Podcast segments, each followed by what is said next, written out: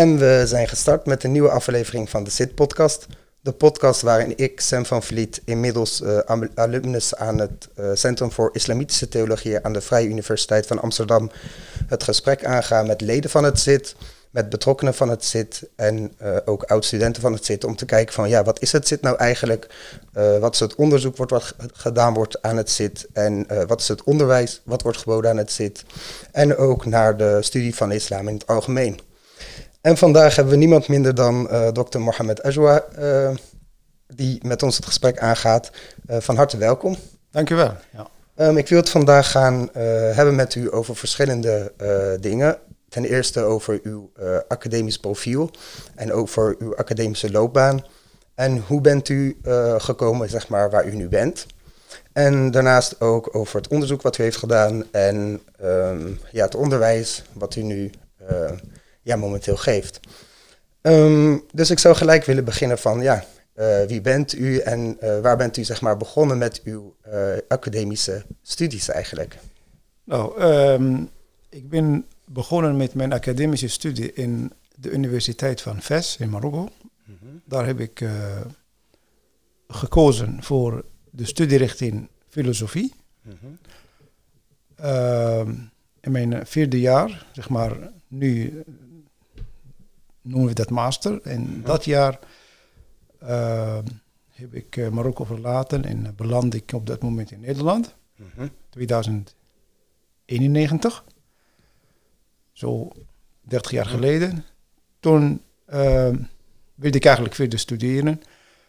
En ik heb gezocht op dat moment wat sluit het meeste aan bij mijn studie in Marokko. Mm -hmm. En dat was toevallig theologie aan de faculteit of aan de Universiteit van Amsterdam. -hmm. Dat was een opleiding die uh, theologisch was, maar niet zo ge, ge, alleen maar gericht op predikantenopleiding, maar voor het uh, brede publiek. Heel nou, algemeen eigenlijk. Voor een deel. Dus je kunt verschillende richtingen. En bij mij paste dat algemene gedeelte. Dus je leert heel veel over het christendom, ook over de islam. Maar nou, dat was dus de tweede stap. Dus ik heb uh, die opleiding uh, theologie ge gevolgd met een -huh. sociaal-cultureel variant, zeg maar. Uh, toen dacht ik, oké, okay, wat moet ik met theologie in die tijd? -huh. Toen dacht ik, laat ik even kijken of ik misschien les kan geven. Dus ik ben dan direct aan na de master toen uh, een leraaropleiding gevolgd in Utrecht. Eerste graad leraar levensbeschouwing. En uh, zodoende heb ik ook les kunnen geven op, voor Atheneum leer, leerlingen in, in Boschop, Waddingsveen. trouwens aan christelijke uh -huh. kinderen, onder andere. En uh, toen uh, ben ik het uh, professionele wereld ingegaan daarna. Dus na mijn leraarschap, dat duurde maar een jaar, ben ik gewoon in sociaal-cultureel werk terechtgekomen. Adviseur op allerlei maatschappelijke vraagstukken. Um, en met name heel veel aandacht aan wat wij noemen nu levensbeschouwelijke netwerken. Dus de, rol, ja, de rol van bijvoorbeeld kerkelijk vrijwilligers, moskee-vrijwilligers. Mm -hmm en allerlei dingen. Uh, maar tegelijkertijd, ik dacht, oké, okay, maar ik vind dat thema van, van religie, theologie en de verhouding tussen deze en de samenleving breed zo interessant. Ik ga verder. Dus ik ben in mijn eigen tijd, zeg maar uh, in 2010, uh, begonnen, zeg ik het goed? Nee, 2002, sorry. Ben ik begonnen met een promotietraject. Uh, begeleid toen door professor Andries Baart. -hmm. uh, om te promoveren op het thema van ergens over geloof in religie. En mijn aandacht ging specifiek naar geestelijke verzorging toevallig. Oké, okay, interessant. En de gevangenissen. -hmm. Want ik dacht, ja, wat doen eigenlijk die, die... Ik heb dus gehoord over imams in de gevangenis, maar wat doen ze eigenlijk? Het is een traditie die, wij, die ik in de gevangenis kende. Dat je dus een imam hebt, ook nog eens in de gevangenis, of in ziekenhuis, wat dan ook. Dus ik ging dat onderzoeken en dat traject heeft acht jaar geduurd. Dus dat was zeg maar de volgende stap in mijn academische carrière. Het is wel interessant om te zien dat dan uw academische studie zeg maar aansluit ook bij het werkveld waar u uh, ja, dan actief was. Om, Ja, het is ik toch was, maatschappelijk... ik, ik was daar, ja precies, dus in, in, gro- qua grote lijnen was het, ik, ik werkte niet in de gevangenis, maar ik, ik was wel vrijwilliger voor eh gedetineerden. Ineens kwam bij mij op, ehm, ergens las ik een advertentie over vrijwilligerswerk voor gevangenen, dat je dus als bezoeker kunt, eh, iets kunt betekenen. En eh, zo is mijn, een beetje mijn interesse gewekt inderdaad. Eh, en toen is het uitgemond in, in een promotieonderzoek, inderdaad. Maar dat is dus een wisselwerking. Dat is dus vanuit mijn sociaal werk toen naar zeg maar academische interesse. En toen ik op een gegeven moment was ik zeven jaar verder met mijn onderzoek. Toen kwam ook de vacature van hoofd islamitische en geestelijke verzorging, dus hoofd gevangenisimams, kwam die dus vrij. En uiteindelijk heb ik gesolliciteerd. Ik ben dus weer aangenomen. Dus zo zie je dat Mhm. de wisselwerking ging op die manier, zeg maar. Ja, precies. Ja. Eh, heel interessant. We hebben nu een soort van helikopterview gekregen over uw eh, ja, academische loopbaan. Ehm, ik was wel benieuwd en dan, eh, ja, dan wil ik zeggen van neem me mee naar die tijd van de filosofiestudie in Marokko. Want we hebben natuurlijk ook hier op de faculteit hebben we zelf ook eh, ja, bepaalde filosofische vakken eh, gekregen. En wat mij dan interesseert is van ja, waar verschilt dat dan in bijvoorbeeld ehm, ja, in een, ja, een islamitisch land waar dan eh, een filosofieopleiding wordt gegeven. Waarin verschilt dat dan bijvoorbeeld van, eh, van Nederland en de vakken bijvoorbeeld die er dan worden gegeven? En ja, wat voor invloed heeft het dan ja, op uw academische ja, profiel als het ware? Nou, ik vind zelf eh, studiefilosofie echt heel erg nuttig en interessant. Want ja, eh, vaak wordt dat afgeschilderd zo'n studie als vaag, als eh, eh, niet relevant, weet ik wat allemaal, niet smart en zo. Maar het is heel erg smart. Filosofie achteraf is gebleken. Mensen verklaarden mij toen ook voor gek. Wat, wat doe je eigenlijk met zo'n, wat ga je doen met zo'n studie? Maar qua ontwikkeling, eh, brede ontwikkeling, brede analytische vermogen, is dat, is dat een hele interessante studie. En het verschil eigenlijk met, eh, denk ik, de opleiding filosofie in Marokko in VES, want die had ook een variant in Rabat, daar weet ik niet zoveel van, maar ik denk dat het vergelijkbaar is. In, denk, ik denk niet dat dat heel erg verschilt met filosofie hier in Nederland of in Duitsland of in Frankrijk in die tijd. Maar, dus je, je, je begint gewoon met studie van, van filosofie in het algemeen. Dus je begint met Griekse filosofie en zo ga je een beetje focussen op een aantal filosofen. Maar in Marokko eh, was een hele eh, belangrijke hoofdstuk over islamitische filosofie. Ja, precies. Dus je hebt algemeen filosofie, daarin ook nog islamitische filosofie. En daarna, als een derde poot van die studie, ook de kalam, ilm al-kalam. Mhm. Want ilm al-kalam, ehm, dat is ook een manier van filosofisch denken, zou ik zeggen. En ook filosofie in die tijd was ook een manier van theologisch denken. Dus Ja, precies. en als ik nu, in ieder geval naar mijn opvatting, zoals wij bijvoorbeeld, ik geef ook filosofie hier aan eh, in de faculteit theologie. Mhm. Ik eh, probeer eigenlijk eerlijk eh, gezegd een beetje na te botsen wat ook in moslimland wordt gedaan met islamitische Ja, filosofie en ook aandacht voor kalam. Dus daar was het aandacht vanuit, islam, vanuit filosofie algemeen, aandacht voor islamitische theologie. Mhm. In hier is het andersom. Vanuit islamitische theologie in het algemeen specifiek aandacht voor islamitische filosofie. Ja, precies. Dat is een beetje het verschil. Mhm. Ja, ik vind het heel interessant, omdat de scheidslijn is natuurlijk heel vaak ook ja, bepaalde theologische discussies. De scheidslijn heel dun tussen de filosofie en de, ja, bijvoorbeeld de kalam of ook eh, ja, andere discussies. Ja, de, de scheidslijn is vaak heel dun, zeg maar, tussen filosofie en uh, ilm al-kalam. Dus eh, ik denk wel, ook bijvoorbeeld wat we hier hebben gekregen op de universiteit, dat het dan toch wel een, een toegevoegde waarde heeft om eh, ja, heel analytisch te denken bijvoorbeeld, of ehm, ja, bepaalde, eh, ja, bepaalde denkpatronen van bepaalde filosofen goed te begrijpen, om te kijken van oké, en waar staat eh, de traditie dan eh, bijvoorbeeld? Ja, ja, je hebt gelijk. Kijk, kijk, daarom praat ik zelf eigenlijk het liefst over islamitisch denken. Mhm. En islamitisch denken is een brede paraplu en daaronder, daaronder valt, vallen verschillende zeg maar, accenten. Je hebt puur filosofisch, theologisch, dus kalam, maar je hebt ook bijvoorbeeld usul al-fiqh, is eigenlijk ook Mhm. de start van filosofisch denken. Ja, precies. En, ehm, en dat is wat wij tegenwoordig ook noemen gewoon het doordenken van het geloof. Daar gaat het over. En geloof, daar maakt traditie ook onderdeel van. Mhm. Kijk, filosofie of kalam, dat, dat zijn wat wij noemen reflectieve wetenschappen. Je- Het zijn geen indoctrinerende wetenschappen. Daar leer je niet van, je moet A of B doen. Maar je leert nadenken over die traditie. Waarom is de traditie ontstaan? Hoe is die ontstaan? Hoe kan ik het begrijpen? Maar ook hoe kan ik iemand anders begrijpen die net een andere accent legt in die traditie bijvoorbeeld. Ja, precies. Dus je, je leert ook een beetje, als het goed is, een beetje, de, een beetje te verklaren, te analyseren en je te verplaatsen in, in andere denkpatronen binnen dezelfde traditie ook nog. En dat is het mooie, want ja, wij weten gewoon inmiddels, ik bedoel, uh, dogmatisch zeggen we, er is maar één islam, maar wij weten toch dat er verschillende accenten, verschillende, verschillende belevenissen, verschillende invalshoeken, uh, verschillende stromingen, verschillende scholen. En ja, wat maakt het eigenlijk dat, dat het zo verschillend is? En niet altijd in, in, in filosofie of kalam gaat het niet wie heeft gelijk of niet, maar mhm.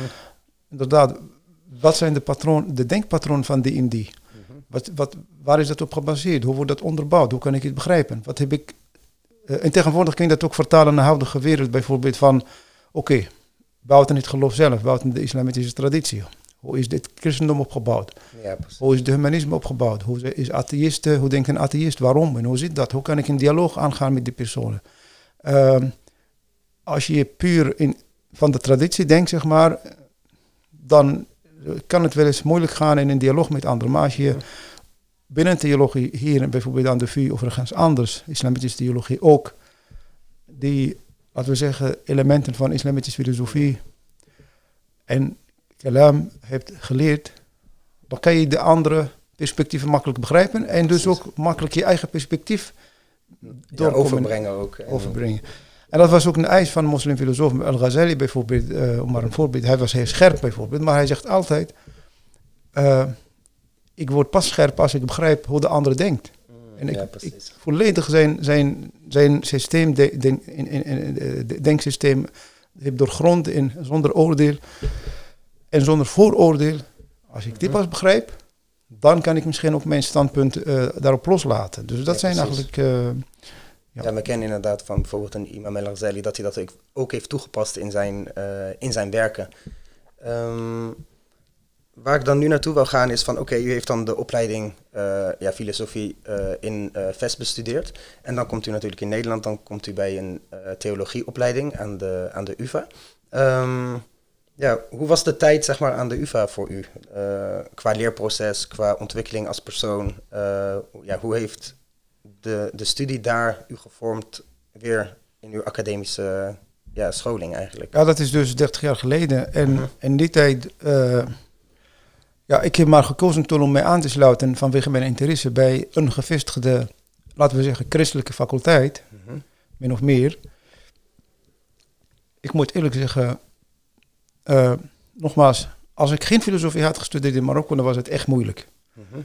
Maar ik heb gezien dat uh, ik was maar ja, ligt net in Nederland en de, de, de, de, de, de, de taaleis gehaald binnen, uh, binnen zes maanden of zo, of, acht maanden. Dat is eigenlijk een beetje mager om echt te kunnen meedoen. Ja, en, maar omdat de inhoud, uh, daar was heel veel overeenkomst zeg maar, met mijn mhm. studie. En, en dat heeft mij geholpen om bijvoorbeeld boeken makkelijker te begrijpen.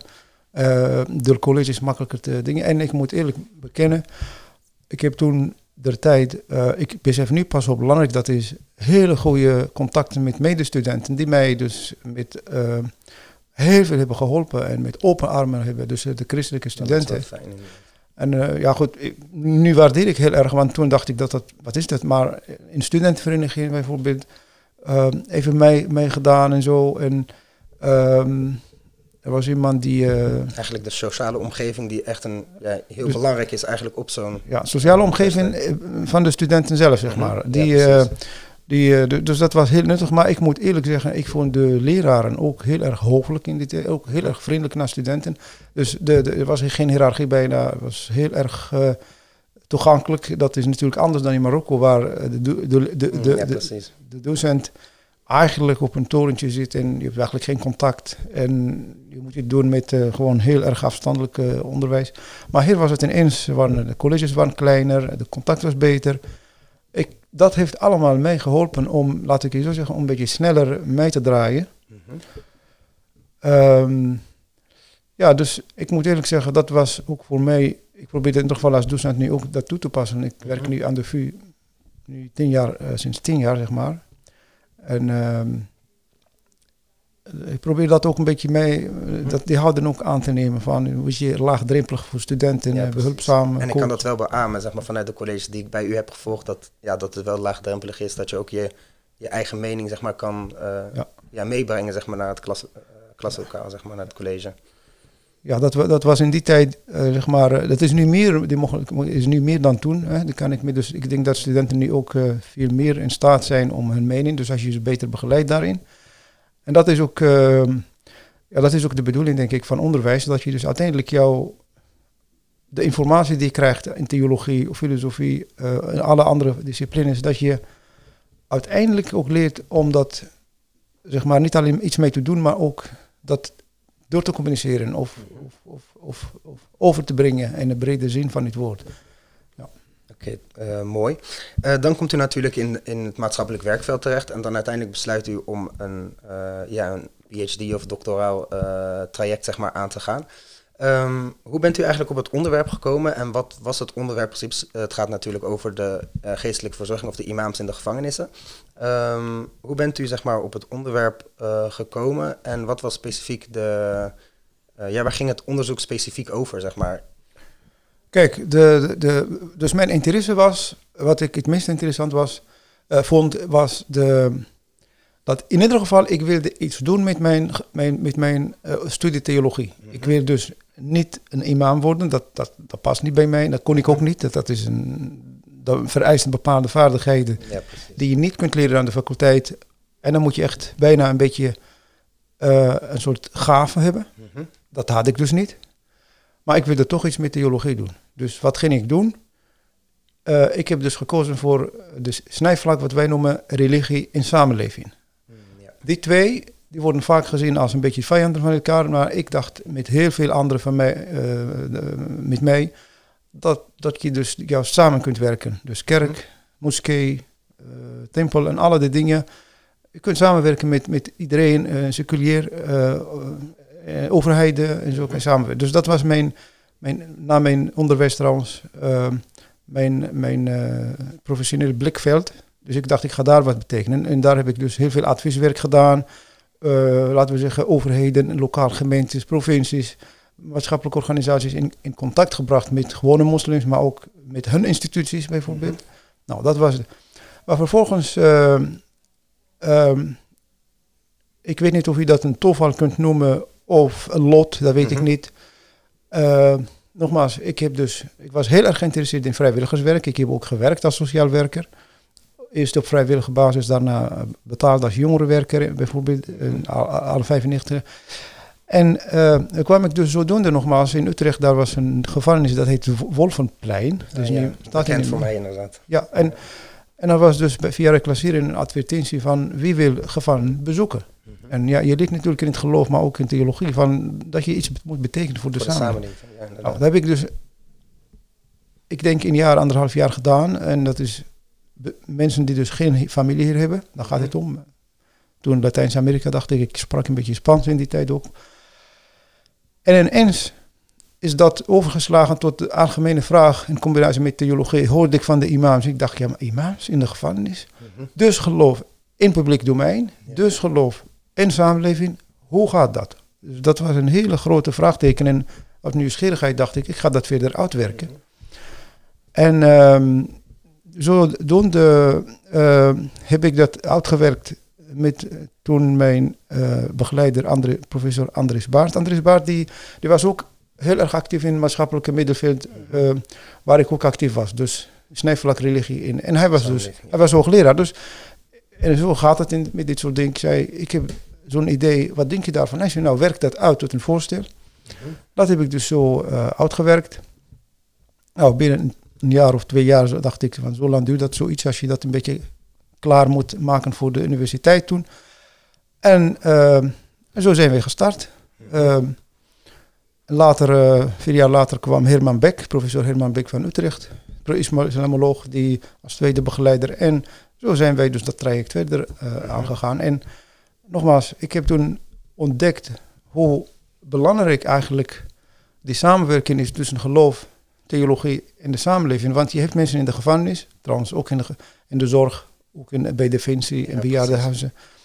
En die kunnen niet naar de kerk, niet naar de moskee. Dus je moet in het kader van godsdienstvrijheid iets betekenen voor hen. Dat is zo belangrijk voor de mensen. Ook atheïsten, ook humanisten.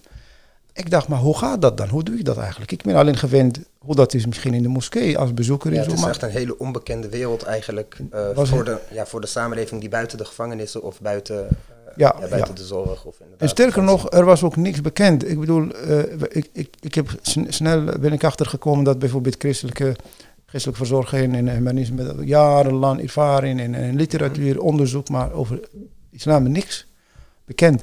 Maar tegelijkertijd, en dat was mijn, mijn, mijn verbazing, tegelijkertijd zag je gewoon imams, eh geestelijke verzorgers, moslim-geestelijke verzorgers, gewoon aan het werk. Mhm. Dus kennelijk ehm betekent het toch wat. Zonder die theorie, zeg maar, zonder eh, die voorkennis en gewoon werkpaarden zou ik maar zeggen. Gewoon aan het werk en dan... Dus ik dacht, oké, ervan uitgaande dat het gewoon nuttig is, anders blijven ze niet. Eh, ze doen toch nuttig werk. Wat is dat precies? Wat zijn de kenmerken daarvan? Dus niet van, want ik had geen theorie, niet van een algemene theorie, ik ga kijken of dit in de praktijk wordt toegepast. Nee, wat doet men in de praktijk en kijken of je daaruit een soort theorie kunt ontwikkelen. Dat is eigenlijk, daar ging mijn onderzoek dus over. Van hoe kun je uit de reeds bestaande praktijk, eh, laten we zeggen een, een, een praktijk van, van tien jaar of zo voor, voor mij dan, eh, of je daaruit elementen kunt ontwikkelen die zeggen, als je islamitische geestelijke verzorging wil toepassen in gevangenis, dus imamschap in de gevangenis, dat zijn de kenmerken daarvan. En dat heb ik uiteindelijk dus eh, een, een soort theorietje zeg maar, eh, vastgelegd in mijn boek Imam Hm. achter tralies. Ja, het is eh ja, hele interessante materie natuurlijk. Ik weet ook dat ja, uw collega Pieter Koppens, die ook het boek Imam achter tralies van u zelf ook onderwijst, of gedeeltes ervan onderwijst in de opleiding geestelijke verzorging. En wat ik ook interessant vind, want ja, voor de SIT-podcast heb ik ook een podcast met Tarek Gater, oud-student aan de ja, geestelijke verzorgingopleiding, zeg maar, eh, ja, geïnterviewd of een gesprek mee gehad. En eh, ja, die ging heel erg in op de praktijk zelf. Van oké, wat doe je dan ook als eh, ja, geestelijk verzorger en hoe ziet dat er dan uit? Hoe ziet een dag van een geestelijk verzorger er dan uit? Maar wat u doet is dan nog een stapje terug kijken van oké, echt het analyseren van verschillende ja, praktijken eigenlijk en daar dan een theorie van ontwikkelen. En wat ik daar graag van zou willen weten van oké, ehm, om dan een klein sprongetje te maken bijvoorbeeld naar eh, het onderwijs wat u ook eh, biedt.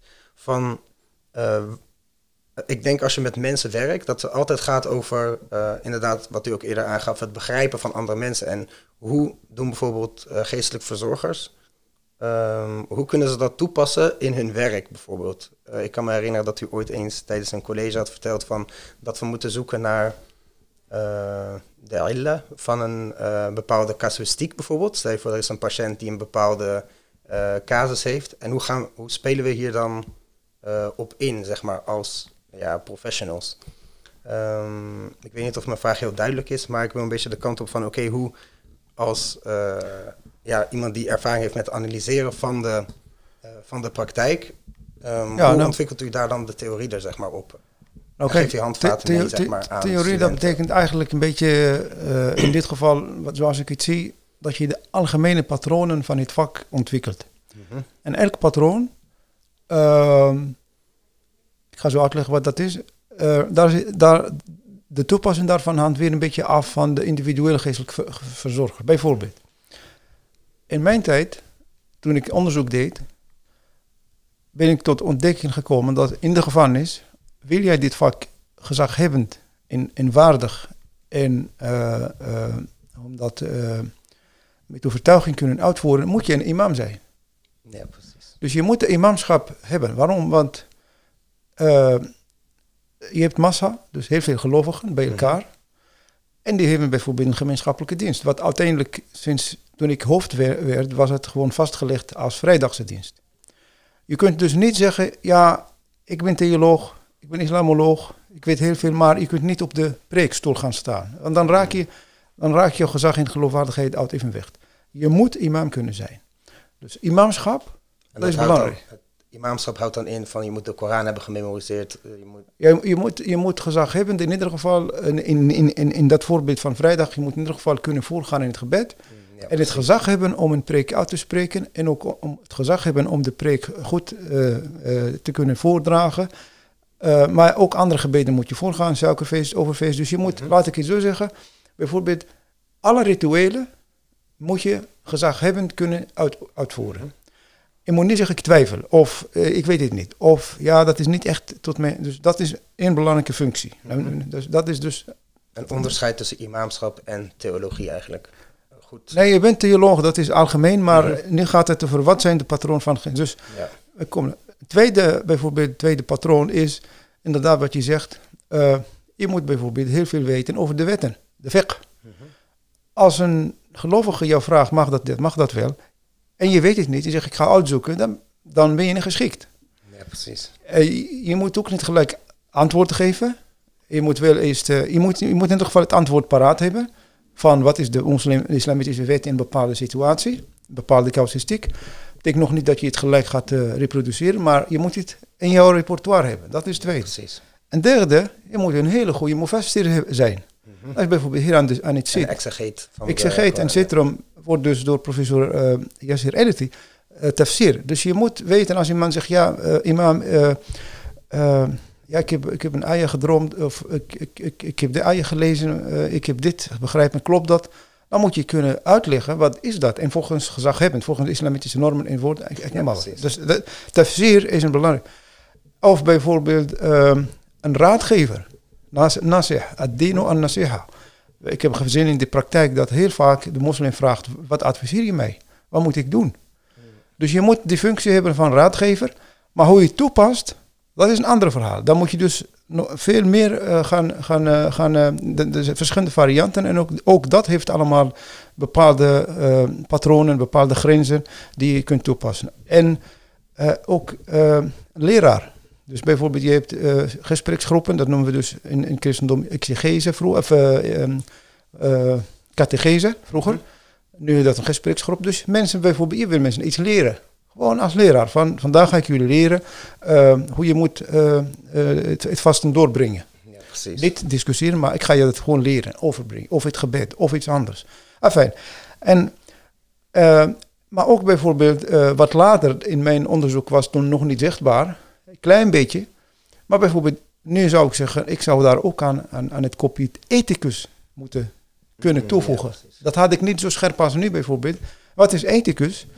Ethicus betekent dat elke individu, elke casus verschilt van de andere. Je kunt nooit de islamitische wet toepassen gelijk op die casus. Je moet altijd kijken naar veel meer factoren. Enfin. Dus um, dat is eigenlijk wat een wetenschapper doet. Een onderzoeker die kijkt naar de patronen in, in grote lijnen. Maar uh, het kan zijn dat, uh, gaat hier toch, was het, uh, dat hij de ethiek bijvoorbeeld toepast op net een andere accent als bijvoorbeeld iemand anders. Ja, precies. Um, nou ja, dus, dus zo, zo, zo, gaat het eigenlijk. Uh, uh, nou ja, wat ik in mijn onderwijs probeer te doen, ik, ik, probeer heel vaak uh, bijvoorbeeld casuïstiek uit die praktijk juist van islamitische geestelijke verzorging in defensie, in de zorg of in de gevangenis te bediscussiëren met studenten van oké, wij leren hier heel veel. Je hebt waarschijnlijk in de tafsir en in de hadith, in de ethiek hier allerlei dingen geleerd. Prima allemaal theorie, maar dit is nu de situatie, de casus. Hoe zou je hiermee kunnen omgaan? En zo probeer ik een beetje de brug te maken tussen, laten we zeggen, theorie hier aan de faculteit en de praktijk. En ik haal ook soms gastsprekers uit de praktijk. Dan komen ze hier in, in, hun ervaring delen met studenten. En ik heb ook heel vaak dat ik studenten in groepjes of individueel stuur naar, naar de theologen in de praktijk om te zeggen, oké, je hebt hier heel veel geleerd. Je bent al zover Ga nou vragen hoe werkt dat uit in de praktijk. en wat is nou het verschil tussen wat je hier leert en de praktijk. En dan zo verrijk je zeg maar hier onderwijs met de praktijk. Mhm. En mensen in, in de praktijk vinden het leuk om een beetje op abstracte manier te vertellen over hun theologie. Ja, precies. En dan heeft het ook weer te maken met natuurlijk uh, wat ook uh, dokter Elevi heeft verteld over het contextualiseren van hetgene wat je uh, leert in de klaslokalen. Van oké, okay, hoe ga je dat dan toepassen bijvoorbeeld in zo'n Nederlandse samenleving? Ja, ja, heel goed. Ja, dat is dat de contextualisering, dat is natuurlijk heel belangrijk. In de samenleving of... Uh, of in het werkveld. Of, in, ja, maar de samenleving is breed, maar ook in je eigen huis bijvoorbeeld. Ja. Ik, ik, ik, ik, zeg bijvoorbeeld vaak, sommige casuïstiek speelt zich af in een ziekenhuis of een gevangenis of ergens anders. En dan zeg ik, oké, okay, vertel nou voor dat dat jouw kind is. Ja, precies. Wat ga je dan doen? Hè, dan zeg ik, eh, gewoon een simpele, een simpele voorbeeld van een gevangenis. Er komt er een, een gevangene in die zegt tegen de imam, imam, ik heb weer een tatoeage. Wat moet ik hiermee? Kijk, als je zegt, ja, volgens uh, Hanafi, volgens Shafi'i, volgens die, volgens die, mag dat niet. Ja, dat kan je zeggen. Hij heeft het toch al. Zeg Hij heeft het toch al. En ehm, als je al pratende, dus die, die, die, bijvoorbeeld een casus van een imam die heeft het verteld, letterlijk met studenten. En dan vragen studenten, wat heb je gedaan? Ja, hij zegt, ik heb gezegd, uh, de imam zegt, ik ga niet zeggen dat mag niet. Nee, hij heeft ook uiteindelijk gezegd, het is maar de vraag of dat, of, of dat echt verstandig is. Maar die, die gedetineerde zegt, ja, ja, ik laat het toch staan. Ja, precies. En dan vraagt de imam, de geestelijk verzorger, waarom dan? Ja, zegt hij, ik heb toch een goede herinnering aan, want dat, dat was zijn moeder. Mhm.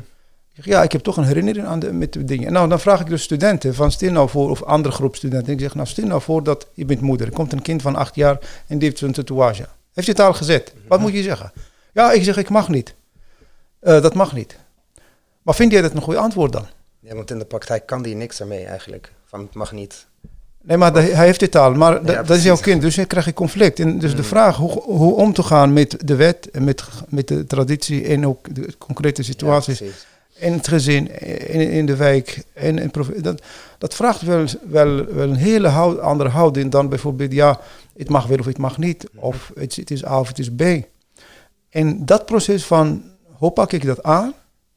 Wat is de beste invalshoek? Mm En tegelijkertijd wil ik houden aan mijn principe ethische dilemma's, analytisch vermogen van een. ja, van een ja dus het, het, het, het, denk niet dat je dus uit die principes moet stappen of zo, maar het is wel van hoe kan ik daar het beste mee omgaan dat ik daar het meeste energie kost en ook dat ik geen schade toebreng aan anderen en anderen niet aan mij. En ook, het kunnen ook ja, nogmaals jouw kinderen zijn. Want als de relatie met je kind zo verstoord is vanwege iets wat heeft gedaan waarvan jij denkt dat het mag niet, onherstelbare schade, dan kan je roepen wat je wilt. Maar ik vraag me af of dat persoonlijk of dat de goede, goede aanpak is. Dus hoe pak ja, want het gaat niet alleen maar over iemand zelf. Voor, als je dat voor jezelf doet, dan heb jij alleen maar de consequenties ervan. Maar je werkt met mensen of met inderdaad in het gezinsleven met kinderen.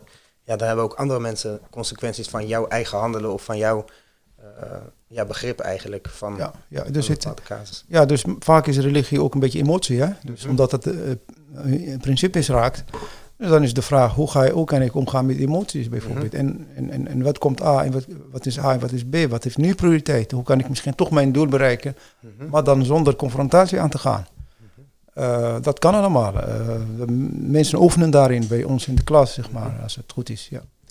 Um, ja, heel mooi. Ook uh, dat u aangeeft dat het ook emotie is. En dan heb ik gelijk in mijn hoofd een, ja, een nieuw bruggetje eigenlijk naar de vakken die u zelf geeft. Want momenteel, ik weet, toen ik, ik bij u zeg maar les had gevolgd, dan kregen we islamitische filosofie en kelam. Um, is, zijn dat nog steeds de vakken die u hier onderwijst aan de faculteit? Of? Ja, hier wel. En tot dit jaar nog, en daarna stop ik. In Leuven ook ethiek. Dus dat is een... Okay. maar, ja, maar ik, in het verleden hier heb ik ook eh, aan de vier andere vakken gestudeerd. Mhm. Geestelijke verzorging heb ik gedaan en praktische theologie en zo. Maar op dit moment filosofie en kalam, ja, die twee. Oké. Uh, ja, wat ik dan heel mooi vind van, oké, islamitische filosofie en kalam. Uh, u noemde al emotie. Ik denk van, van de vakken die dan worden onderwezen, ik denk dat bij studenten ja, deze twee onderwerpen toch wel ja, wat emoties kunnen oplossen. Of heel veel diversiteit kan zijn onder de studenten. Um, hoe uh, positioneert u zich zeg maar, als docent dan in zo'n klas? Mocht dat natuurlijk voorkomen. We zitten natuurlijk wel in een academische setting, dus... Oh ja, er zijn altijd een aantal wat studenten die dus inderdaad met de reflectieve wetenschappen toch wat moeite mee hebben. Mm -hmm. omdat sommige studenten, die theologie-studenten, islamitische, met islamitische achtergrond vooral, ze, ze, ze komen, ze, ze denken dat je leert gewoon in de theologie, met name in kalam, filosofie minder, maar in kalam zeggen ze, denken ze, dat jij leert gewoon om je geloof te verstevigen. Ja, precies. Maar dat, dat verstaan ze onder verstevigen van, geef mij gewoon wat A en wat B is. Mhm. Geef mij gewoon hoe het is. Maar dat, dat is niet het karakter van het vak. Het vak die roept eigenlijk altijd meer vragen op dan antwoorden. Mhm. En als mensen, studenten dat merken, sommigen, een kleine minderheid, zeg maar 10%, eh, die raakt een beetje uit evenwicht. En die denken, ja, bijvoorbeeld als ik zeg, uh, uh, oké, okay, wij laten wij het hebben over qadar, over de lot, over predestinatie, over vrije wil. Er zijn allemaal onderwerpen die in de kalam zijn, eh, ook in filosofie, maar vooral in de kalam daarvoor zijn behandeld. En dan zeg ik bijvoorbeeld, uh, wij, wij, stellen vast dat de Koran beide heeft, versen die predestinatie zeg maar uh, suggereren en de vrije wil. Ik zeg nou breng dat in kaart. En wat, hoe kijk je daar dan naartoe? En dan zijn dus soms twee studenten, drie studenten van, van 18 van, die zeggen ja maar ik ga niet nadenken. Nee, dat mag niet, ik ben geen geleerde. Ik beschouw dat als emotie. Dan zeg ik ja, maar hoe ga ik dan als docent daarmee om? Ik zeg ik begrijp het wel, maar ik vraag niet per definitie wat jij daarvan vindt. Oké, dan kun je ook bijvoorbeeld zeggen, wat denken anderen daarover? Mhm. Dus ik, ik, ik respecteer dat gevoel, die emotie. Want dit is gewoon een feit waar ik als docent mee moet dealen. Ja. Als zij last van hebben, dat begrijp ik. Alleen zeg ik, als je geen antwoord geeft, dan krijg je geen cijfer. Ja, precies. Dat is een beetje de, achter de deur eigenlijk. Nee, maar dat is de consequentie. Want je moet een beetje kunnen nadenken. Want het feit dat je geen geleerde bent, betekent niet dat je niet nadenkt. Je denkt ook na. Mhm. Dus dan zeg ik, oké, kun je bijvoorbeeld ehm, gewoon vertellen in een antwoord. Oké, je hoeft niet persoonlijk te zeggen, ik ben geleerde, maar zeg oké. En ik, heb, ik geef ze ook literatuur. Ik zeg, ik geef weer, wat denkt die, wat denkt mhm. die, wat denkt die. En als je dat in kaart kunt brengen, dat is voor mij voldoende. Of bijvoorbeeld... Ehm, emoties, ja, ik, ik, ik, een beetje anekdotisch, maar mhm. Nogmaals een kleine minderheid. Maar ik begrijp dat wel, ik respecteer dat, maar ik zeg bijvoorbeeld dat kan niet. Mensen die zeggen tijdens de toets, ik wil graag bieden. Ik wil graag gewoon, uh, want dat is gebedstijd.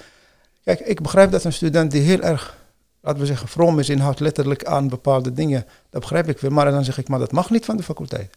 Ik mag jou niet wegsturen naar de, de dingen. Dus ik, ik respecteer de emotie, maar pauzes mogen niet. Ja, precies. Nou, ehm, maar ik heb een keer meegemaakt dat iemand zo zweterig was in de klas. Dat hij zegt, mag ik je even bidden? En toen was het mogelijk in de klas te bidden, boven. Dus ik kon dus dat, er zijn oplossingen, zeg maar. Ik kon dat zien. Ik zei, oké, dan ga maar daar. En uh, dan, dan kon ik ook... Ja, want waarom mag, mag je niet afwijken van de norm? Want ja, je kunt misschien frauderen, misschien niet. Niet dat mensen per se de intentie hebben, maar wat niet mag in de wet, kan ik niet toestaan. Ook al is de emotie heel hoog. Ja, precies. Dus ik zeg nee, ik, ik begrijp van deze. Maar nogmaals, de, en bij mij in de klas mag iedereen zijn zoals die is. Atheïst, extreem gelovig, seculier. Het is nooit de intentie van onze vakken hier om mensen te veranderen. Ja, precies. als jij heel erg strikt in de leer zou zijn, bijvoorbeeld, blijf vooral zo. Maar het minimale wat je moet meenemen hier, als het goed is, is leren waarom anders, anderen dan jij zo denken. En probeer ze te begrijpen. Ja, inderdaad. En andersom. Als je heel erg vrij bent, seculier, misschien atheïst. wij hebben toch uh, tegenwoordig ook niet-moslims in de klas. Uh, je hoeft natuurlijk niet moslim te zijn. Als je mij begrijpt, hoe werkt dat bij de moslim in dit geval? Dus iedereen uh, mag zijn met zijn emoties, haar emoties, dan is absoluut niet de bedoeling om dat te veranderen naar A of naar B. Alleen een bepaalde ontwikkeling is wel gewenst, maar dat is analytisch en zo. Maar één voorbeeld nog over emoties. Wij hebben een keer een casus besproken over, ehm, over de wet, bijvoorbeeld rond de abortus. Ja. Nou, als je, iedereen vraagt wat, is, wat zegt de islam over abortus, ja, dan krijg je dus natuurlijk een uh, hele uitdraai van, van regels en zo en zo en zo en zo. Maar ik heb dus een hele specifieke casus besproken in de klas. En ik heb ook vrouwen. En ik heb ook vrouwen die kinderen hebben. Of gehad, of een miskraam, of wat dan ook. Ja, en dan gaan we bespreken en dan zie je mensen die geen ervaring daarmee hebben. Allerlei wetten roepen. Dat, totdat je ziet een paar meisjes, bijvoorbeeld vrouwen, heel erg huilen. Mhm. Gewoon tranen in hun ogen. En dan zeg ik, ja, wat is er aan de hand dan? Ja, zegt hij. Uh, ik begrijp dat de wet zo in elkaar is. Maar ik heb een miskraam gehad. En dat is emotie. Ja, precies, en dan begrijpelijk. Dat is begrijpelijk. En dan, en dan, dus, en dan, dan krijgen studenten ineens een heel ander inzicht over eigenlijk een, een, een theologische vraagstuk, zeg maar. En... Um, je krijgt een emotionele dimensie eigenlijk. Ja, emoties zijn heel belangrijk. Hoe ga je daarmee om? En, en, en ben je überhaupt in staat om de emoties van anderen te begrijpen? Dat is heel mhm. belangrijk. Ibn Taymiyyah, dat is een belangrijke filosoof. In jouw tijd heb ik dat niet uh, behandeld, maar nu behandel ik heel erg. Ibn Taymiyyah die wordt vaak afgeschilderd als een radicaal, als een de, geest, de, de, dat, uh, de, de, de vader grootvader van ISIS en dat soort van, eh, van die, dingen, maar ja. hij is een voortreffelijk filosoof als je zijn, studie, zijn, zijn, zijn, zijn gedachten goed, goed bestudeert. En hij heeft heel veel aandacht geschonken aan emoties. Of ook contextualisering bijvoorbeeld. Hij is een filosoof. En zijn filosofie heeft hij ook verkondigd via de, de- als ge- rechtsgeleerde, als faqih. En zelfs hij zegt, een wet is altijd contextueel. Dat betekent dus wat nu de wet is, eh, eh, de, de, de islamitische wet, zeg maar, wat in deze context, in deze omstandigheden misschien eh, terecht is of Mhm. valide, is in een andere omstandigheden niet. Heel erg context. En hij legt dat uit op filosofische manier. Mhm. Maar hij geeft vooral heel veel aandacht aan emoties. Emotie is een belangrijk element in, in, in, in godsdienstbeleving, zegt hij ook. Daar moet je ook rekening mee houden. Dat is mooi. Eh, om terug te komen op eh, een ander aspect zeg maar, van, uw, eh, van uw onderwijs, dat is natuurlijk de inhoud van de vakken. Ehm, ja, om heel kort daarop in te gaan, u heeft ook eh, een bepaalde literatuur die we dan meekregen, is ook een boek die u heeft geschreven, Wie is moslim? Ehm, ja, daarin vinden we natuurlijk ook de, ja, de theologische, ja, theologische kader eigenlijk, of het denken, of de ontwikkeling van bijvoorbeeld Kalam of van verschillende groeperingen. Ik noemde net al het onderwerp eh, het lot of al qadr. Je hebt natuurlijk de Qadariya, Ja- Jabriya of alle andere verschillende scholen, Mu'tazila, Sha'ira of ja, de traditionalisten of eh, ja, hoe ze daarmee omgaan bijvoorbeeld met zo'n vraagstuk. Ehm, ja, kunt u wat meer vertellen zeg maar, over eh, dat werk wat u heeft geschreven? Ehm, omdat het natuurlijk ook ja, in, in mijn tijd in ieder geval eh, onderdeel was van, ehm, ja, van de literatuur tijdens de, tijdens de vakken. Oh ja, je refereert nu naar het boek Wie is moslim? Kijk, ik beschouw Kalam zelf over het algemeen ook een antwoord op wat is gelovige, wat is een moslim eigenlijk. Kalam is eigenlijk wat wij nu kunnen noemen, zouden kunnen noemen, praktische theologie. Ehm, en in mijn boek heb ik dus eigenlijk dat een beetje vertaald naar de huidige wereld. Wat is eigenlijk, wanneer wat betekent als iemand zegt ik ben moslim? Of eh, wie is dat eigenlijk? Wat zijn de kenmerken? Wat zijn de criteria?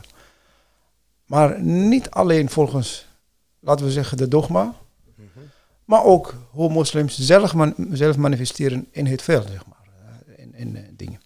Dat was een beetje de dingen. Dus als bijvoorbeeld de bijvoorbeeld Gawari zeggen, ja, wij vinden dat een moslim moet en geloven in doen. En in dat doen, dat geven ze ook een bepaalde vorm aan, dat dat ja, voor heel veel mensen echt extreem is. dat, dat het, en als je dat niet doet, dan word je gestraft. Niet alleen door God, maar ook door, door, door de samenleving, door de overheid. Dat is een, een optie. Tegenover Mosja die zeggen, eh, nee, eh, wij mensen hebben niks over jou te vertellen. Het is tussen jou en God. En als je zegt, ik ben moslim, ik gelovig, mijn hart of wat dan ook, dan is voldoende. Of Mu'tazila die zeggen, tussen, be- tussen mensen, dus, Benen mensen tu- tussen een positie, zeg maar, van ja, het is nog dat, nog dat, is dat dingen. Ehm, nou, wat ik heb gedaan, ik heb daar niet echt uitvoerig over geschreven. Maar ehm, eh, ik moet eerlijk zeggen, dit soort inzichten van Kalam, ehm, hoe om te gaan met eigenlijk de diversiteit binnen de moslimgemeenschap, qua geloofsbeleving. Ik heb daar, ik heb daar een werkveld gevonden, dat, is, eh, dat zijn ongeveer, eh, laten we zeggen, eh, duizenden gelovigen moslims in gevangenissen.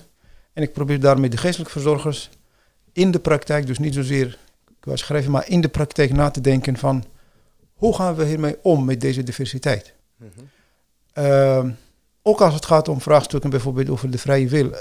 Een gevangene die komt in de gevangenis en die zegt, ja, het is mijn lot dat ik hier ben. Het is het, eh, de schuld van de Satan, die in mij het slechte pad heeft. Dus alle schuld van zich proberen af te schuiven. Hoe ga je daarmee om? Wat leer ik van Mu'tazila? Wat leer ik van Ash'ari? Wat leer ik van eh, Ibn Taymiyyah? Wat leer ik van Ibn Rushd? Wat leer ik van, eh van Shafi'i? Wat leer ik van At-Tusi? Wat leer ik van Al-Ghazali? En hen gedachtegoed aan elementen die ons kunnen helpen om om te gaan met dit soort vraagstukken in de praktijk. Ja, precies. En dat doen we dus via studiedagen, via reflectie, via dingen. Dus ehm er, wij hebben echt, ik vind het in de islamitische geschiedenis, traditie, met, met traditie bedoel ik hier zeg maar erf, erfenis van, van het verleden. Zoveel mooie inzichten, zoveel verschillende perspectieven. Die je echt blijvend zeg maar, moet uitlichten en belichten. En daarmee ook aan de slag kunt gaan in je dagelijks beleven van geloof, in je professionele wereld. En dat probeer ik dus zeg maar meer accent daarop te leggen dan wat abstract. Ik heb wel eens gedacht, het wordt tijd om een boek over islamitische ethiek te schrijven. Omdat wij hebben allemaal islamitische ethiek een beetje versnipperd in de fiqh en allerlei. Is maar echt een boek over islam. Het wordt misschien mijn volgende project. Uh, zover is het nog niet. Dus, maar dat is een beetje het antwoord op je vraag van... Uh, wat publiceer je daar? En ik publiceer uh, ja, nu iets minder, maar in, vaak in artikelen en zo. Dus in korte artikelen, opiniestukken in de krant. Uh, allerlei uh, media, maar ook conferenties, lezingen. ja, daar probeer ik een beetje dit soort punten punt voor punt zeg maar uit te lichten. Ja, precies. Ja. Um, ja, mooi dat u inderdaad aangeeft ook. Ja, wellicht dat dit een, uh, ja, iets voor in de toekomst is. Een, een, ja, een publicatie over islamitische ethiek. Dat was eigenlijk ook de volgende vraag die ik uh, in gedachten had. Van oké, um, ja, we weten nu een beetje uh, ja, academische profiel, uw achtergrond die u heeft al gehad. het onderwijs wat u geeft hier aan de faculteit.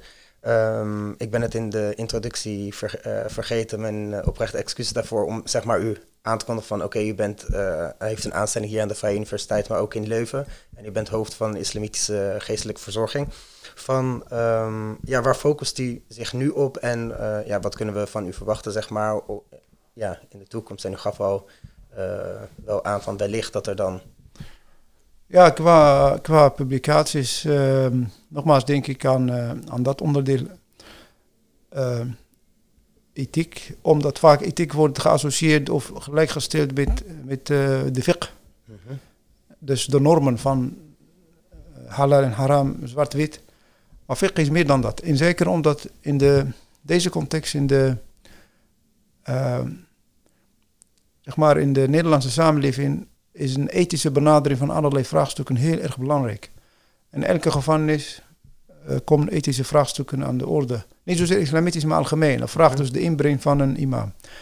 Maar de imam is eigenlijk, zuiver gezegd, niet per definitie een ethicus. Dat is een vaardigheid die je moet ontwikkelen. In elke mhm. ziekenhuis heb je dus ook een ethische commissie. Maar als men vraagt, wat is nou, hoe behandel ik dit punt vanuit islamitische ethiek? Ja, dan is over het algemeen, wat is nou halal en wat is haram, bewezen van spreken. Maar dat is geen ethiek, dat, dat is dogma's. Dat, dat zijn... is een soort gewoon een fatwa eigenlijk, wat wordt uitgevaardigd van dit is... Kijk, ethiek is, een van de definities van ethiek is... Ethiek komt om de hoek kijken wanneer de wet, of het nou religieus, islamitisch of civiel, niet voldoende is. Er zijn heel veel vraagstukken die je niet kunt oplossen door te zeggen, het zit in de wet, het is A of het is B. Vaak is de wet helemaal niet voldoende. En dan vraagt het om een ethische benadering. Maar wat is dat dan? In de islam hebben wij, in het verleden hebben wij akhlaq genoemd en zo, noemt akhlaq, maar nou houdige maatstaven. Een, maar alle ingrediënten, alle ingrediënten van een islamitische ethiek zijn wel aanwezig. Alleen je moet ze een beetje reconstrueren. En dan gewoon gieten in een, in een gangbare, uh, begrijpelijke, uh, uh, laten we zeggen, boek of publicatie, zodat bijvoorbeeld niet alleen moslims, maar ook niet-moslims kunnen begrijpen. dat is een beetje waar, waar, ik, waar ik nu eigenlijk aan denk. Ja. Dat is heel interessant. Uh, ja, als het gepubliceerd zou worden ooit, of als u ermee aan de slag gaat, ben ik heel uh, geïnteresseerd zeg maar, in, uh, ja, in het onderzoek zelf. Um, ja, we zitten eigenlijk alweer ja, aan het eind van de tijd van, van de podcast.